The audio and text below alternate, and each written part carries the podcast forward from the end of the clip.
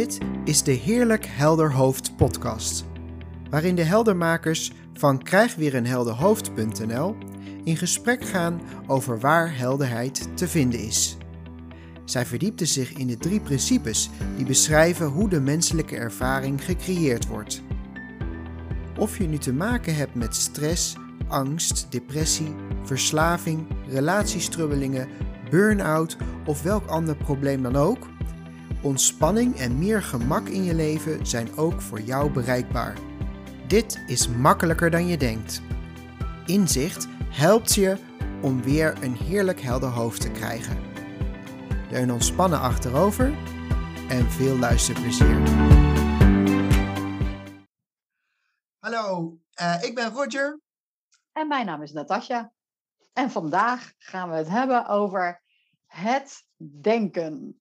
Een van de drie principes. Maar uh, voordat we daarover gaan hebben, Roger, hoe, uh, hoe zou jij aan iemand uh, de drie principes eigenlijk uitleggen? Iemand die het nog, nog nooit over gehoord heeft. Ja, um, nou ja, het, ik, ik vind het mooi. Het, het, is eigenlijk heel simpel uit te leggen, um, maar tegelijkertijd is het ook weer zo allesomvattend dat je er uren over kunt praten. Uh, maar even simpel gezegd, de drie principes die ooit door Sid, Sydney Banks uh, zijn geformuleerd, um, zijn in het Engels, want het, het komt uit, um, ja, uit Amerika. Zijn mind, consciousness en thought. Dus even in het Nederlands vertaald. Ja, mind is altijd een beetje lastig hè, te vertalen. Maar dan zou ik zeggen, um, mind is de universele levensenergie um, consciousness, bewustzijn. En uh, nou ja, thought, het denken. En um, ja, dat is het samenspel van die drie. Creëert onze menselijke ervaring in ieder moment. Ja, en nou ja, we wilden het in deze aflevering uh, met name even inzoomen op het denken. Um, en ja, wat, um, wat denk jij bij het denken, Natasja? wat denk ik bij het denken? En dat is al een leuke eigenlijk, die leuke vraag die je stelt. Wat denk jij bij het denken? En als ik dan een stilte laat vallen, dan popt er dus iets op. Dus dat is eigenlijk datgene wat oppopt. Een gedachte, dat, dat is natuurlijk het onderdeel van het denken. Hè? Zonder, zonder die gedachte zouden wij überhaupt helemaal geen ervaring kunnen, kunnen hebben. En uh, wat ik heel cool vind eigenlijk qua inzicht voor mijzelf in het, uh, in het denken, is dat ik overduidelijk zie dat ik het denken niet ben. Dat, ik alleen, dat er alleen denken is. Daarom zeggen ze ook zo mooi in de drie principes het, dat het het denken is en niet je gedachten of zo. Maar er is een denken. En ja, alleen al dat inzicht van, oh ja, er zijn gedachten, er worden gedachten gecreëerd. Ik ben ze niet.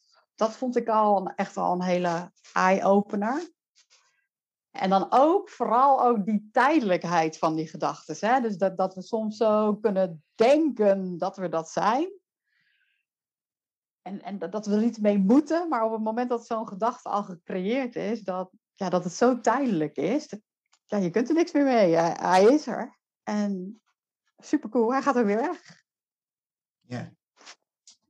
Ja, dat is, dat is wel mooi. En inderdaad, ik had hem ook bewust het denken genoemd. Hè, als, als van we zijn geneigd te interpreteren om het, persoonlijke denken, maar de, daarachter schuilt eigenlijk hè, dat, dat grotere denken, wat, wat gewoon een universele kracht is die creëert. Uh, ja, zonder het denken is er niks. Want dan kan je ook niks benoemen, je kan niks waarnemen. Um, en wat ik, wat ik ook wel uh, voor mezelf echt, toen ik met de drie principes in aanraking kwam, wat ik ook een, een, ehm, een mooie vond om te zien, is eigenlijk dat het is zo, um, ja, als zeg maar een vis in het water, die is zich niet bewust van dat hij in een wereld van water zich begeeft. Water is zo uh, ja, doodgewoon voor die vis, die zal, niet, uh, die zal dat niet bijzonder vinden. Terwijl uh, als ik, ik kan me nog herinneren, als ik wel eens in een mooie land op vakantie en ik ga onder het water, dan, dan kan ik me helemaal vergapen op hoe mooi het daar is en, en, en, de rust die zich daar vindt. Dus voor mij is dat dan heel bijzonder. En als ik kijk naar dat ik, ik heb vooral gezien hè, dat dat denken creëert in ieder moment um, mijn ervaring uh, van het leven. Dat is, dat, dat, ja, dat is eigenlijk, hè, dat is dus die wetmatigheid, dat is, maakt dat principe. Maar daar, daar ben je eigenlijk heel vaak totaal niet bewust van. Dat alles uit denken bestaat. Want heel vaak nemen we dingen zo serieus en uh, uh, voel, hè, voelt het ook zo zwaar dat, dat je je daar helemaal niet bewust van, bent, dat je eigenlijk je constant in die zee van denken begeeft. Um, en wat het voor mij in ieder geval uh, als, als uh, enorme overpijnzeraar en alles altijd willen analyseren, gaf mij dat wel heel veel um, ja, rust eigenlijk in mijn hoofd. Dat ik niet met iedere gedachte dat ik daar wat mee moest. Het is ook wel mooi dat je zegt, echt, echt alles is denken inderdaad. Hè? Dus ook over nou, bij mij komt als eerste fysieke klachten of zo in je op. Ja. Als wij, wat voor fysieke klacht, laten we het even gewoon simpel houden op uh, uh, niet zo goed uit je ogen kunnen kijken, bij wijze van spreken. maar dan kunnen ook gewoon, uh, nou ja, ik heb zelf jarenlang met fysieke klachten in mijn schouder rondgelopen en, en, en niet goed kunnen zitten. Mm echt heel erg denken dat dat aan het lijf ligt. Um, en, en eigenlijk zien dat ook dat alleen maar bestaat doordat er denken is. Dat gaf voor mij echt nou, nou ja, zo'n verlichting uiteindelijk in pijn. Zonder dat het een trucje is. Hè? Want dat zouden mensen die nu luisteren erin kunnen horen. Maar eigenlijk gedurende een hele dag, 24 uur lang, als ik er niet aan dacht, dan was die pijn er ook niet. En jij, liet net eerder in de eh, podcast vallen zo van ja, uh, zonder denken is er niets. Nou ja, weet je, dat die, die afwijking in mijn schouder of iets, het iets minder goed uit je ogen kunnen kijken of niet goed kunnen zitten. Dat, dat wat misschien in mijn lijf niet helemaal oké is, uh, wat we dan als niet oké benoemen. Uh, is er, is er gewoon 24 uur per dag. Maar als ik er niet aan denk, dan is het niet. En sterker nog, van die 24 uur, als ik heel eerlijk ben, als ik het echt zou gaan berekenen, 23 uur wordt daar echt niet aan gedacht. Dus het is er niet. En soms is het er wel, want dan hou ik er rekening mee dat ik even op een speciale stoel ga zitten. Zonder dat ik. En dan wordt, is het een hele neutrale gedachte. Zo van, oh, weet je wat, dan laat ik maar even op die ene stoel gaan zitten. Of laat ik even een bepaald kussentje erbij pakken, want dan weet ik dat ik langer daarop kan zitten. Of laat ik die ene houding tijdens de yogales maar even niet doen. Dat is wel beter voor mijn schouder. Maar daar heb ik er geen last van. Dat is gewoon een neutrale gedachte. Zoals iemand ook zijn bril opzet om te kunnen lezen. Zonder dat er... Maar het interessant is, en nou komt hij op het moment dat we er wel last van hebben. En dat is dan misschien dat ene half uurtje per dag. Dat je gaat zitten en zucht en kreun. Oh, of oh jeetje. En, en dan, dan komt er zo'n gedachtentrein op gang dan is het ineens niet meer een neutrale gedachte. Dan geeft het ineens heel veel betekenis aan. En dan uh, mag het er niet zijn. Uh, dan strijden we vooral tegen die ervaring. Och, dat herken ik wel vooral van mijn schouderklachten. Uh, en vooral ook streven naar een andere ervaring natuurlijk. Het moest vooral opgelost worden. Ja, en Natasja, daar, daarin kan je dus even, hè, als ik dan even denk aan een luister, dan kan je zelfs met het denken wat wij nu omschrijven, kan je ook als een soort van middel gebruiken om van die pijn af te komen. Maar dat is niet wat, wat we bedoelen. Nee, hè? nee precies. En mooi, mooi dat je dat toevoegt, inderdaad. Want alleen al zien dat het zo werkt. Ja. En, en, en niet zomaar even aannemen als een soort theorietje. Oh ja, je moet het echt, echt zien. Zoals we ooit als kind ook hebben gezien dat er zwaartekracht is. Uh, ook zo dat inzicht e-, echt zien van ja, verrek inderdaad. Ja. ja. En dan betekent niet dat die pijn er nooit meer is. Nee, want je, je raakt ook wel iets heel moois aan over hè, uh, het, neutra de neutrale aard in eerste instantie van denken. Dat is natuurlijk met pijn ook. Hè? Ik bedoel, um, ja, pijn op zich is van zichzelf neutraal totdat die gedachtentrein over wat die pijn betekent. En dat kan dus pijn als in fysieke pijn, het kan, maar het kan ook emotioneel, uh, emotionele pijn of ongemak zijn. Uh, dan had ik, ik had meer dus vooral last van emotionele pijn als in, uh, ik had dus echt sociale angsten. Ik vond alles uh, in de sociale omgeving vond ik doodeng zweet brak me uit. En dat is ook, hè, zo, als zo'n gedachtentrein op gang komt, dan gebeurt er binnen dat, bewust, hè, dat bewustzijn voegt er van alles aan toe, waardoor het zo echt gaat lijken. Maar het is wel mooi om te zien, in essentie is het neutraal. En het lijkt soort van, als je, dat, als je dit doorziet, uh, dat je wat makkelijker en wat vaker kan terugkeren naar die neutraliteit of zo. En dan, en daar is geen probleem. Dan kan je, ja, dan kan je inderdaad je teen stoten en de fysieke pijn voelen. Maar zonder die gedachtentreintjes eraan toe te voegen, is dat wat het is. En net als gedachte gaat ook pijn over. Ja. En voor een luisteraar die denkt gedachtentreintjes, wat, wat bedoel jij met gedachtentreintjes? Nou, de, ja, ik kan ik wel een mooi voorbeeld even bij die teen blijven, hè, want dat klinkt dan heel onschuldig. Maar uh, uh, oh, dat wat nu in mij opkomt, stel ik ben een balletdanser. Dus dan zijn tenen toch best belangrijk. Hè? Dus ik stoot mijn, uh, mijn teen tegen een tafel. En dan komt er uh, als eerste van, auw, dat komt er gewoon hier op. Hè? Dat, zal, dat is redelijk universeel waarschijnlijk, dat zullen de meesten hebben. Maar dan komt er achteraan misschien al gauw van, oh, ik hoop maar niet dat die gebroken is. Want volgende week heb ik een belangrijk, uh, belangrijke voorstelling. En uh, daar hangt ook mijn studiebeurs van af. En daar zitten misschien mensen in de zaal die, uh, die me later, hè, die, die me naar een vervolgopleiding kunnen helpen.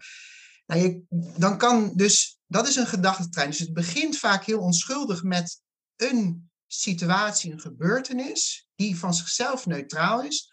Maar we koppelen daar steeds meer gedachten aan.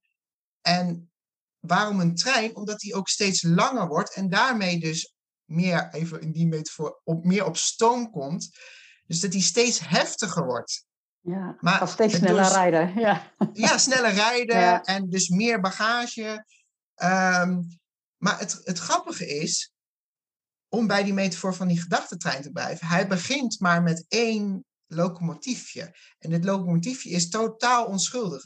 Dus als jij na de honderdste wagon die erachter hangt weer kan zien van hé, hey, maar het begon allemaal met het eerste locomotiefje, dat kan, ja, dat kan wel echt het moment zijn dat alles poef uh, verdwijnt. Want dan zie je ineens van, oh, wacht even. Ja, ja, en vooral dat we natuurlijk in die wagonnetjes niet zulke onschuldige gedachten hebben, maar juist allerlei onzin gedachten hebben.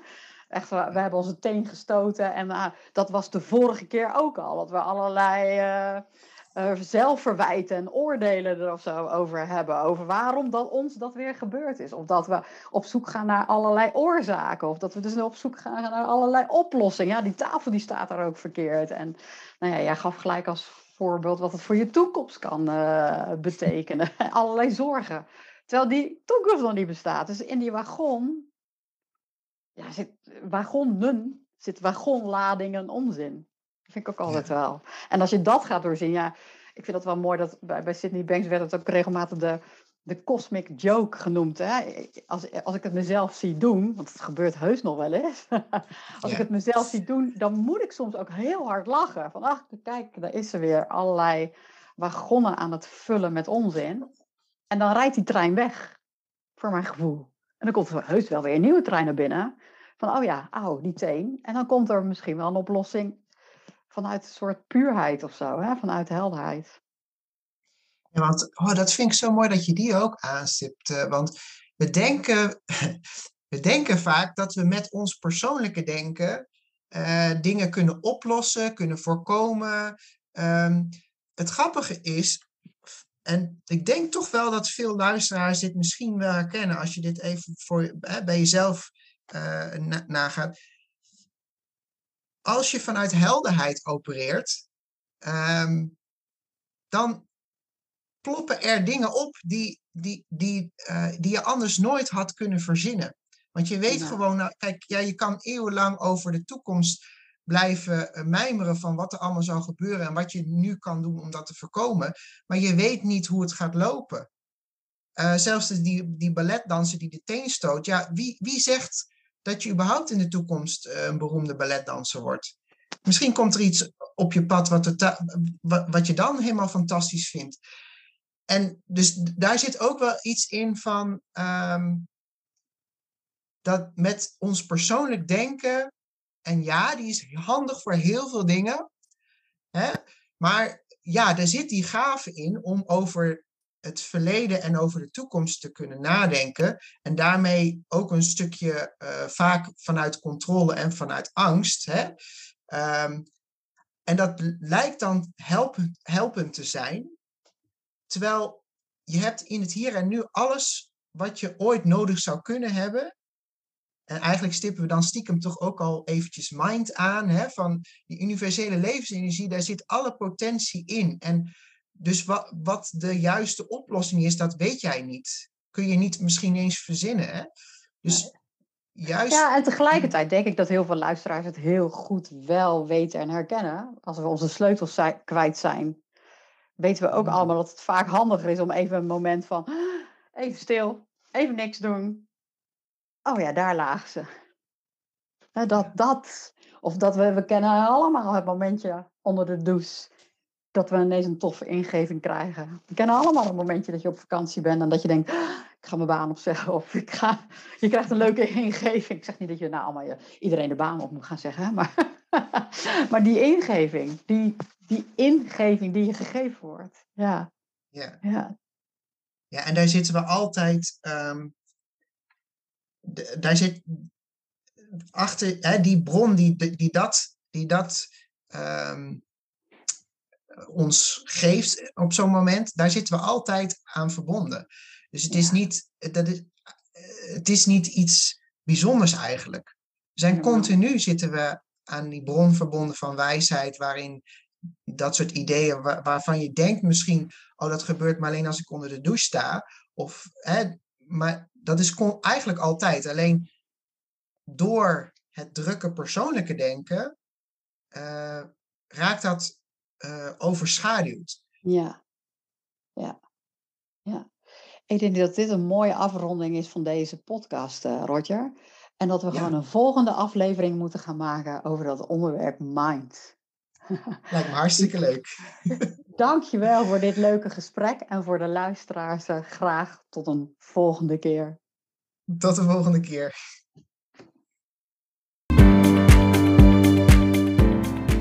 Wat fijn dat je luisterde naar deze aflevering. Ervaar je al wat meer helderheid of ben je nieuwsgierig geworden waar de heldermakers naar verwijzen? Voel je vrij om een kijkje te nemen op krijgweerenhelderhoofd.nl. Als je deze podcast leuk vindt, deel hem dan met iemand die ook op zoek is naar meer helderheid, rust, ontspanning en gemak. En door een review achter te laten in je podcast-app help je ons meer mensen te bereiken. Voor nu, dank voor het luisteren en tot een volgende keer.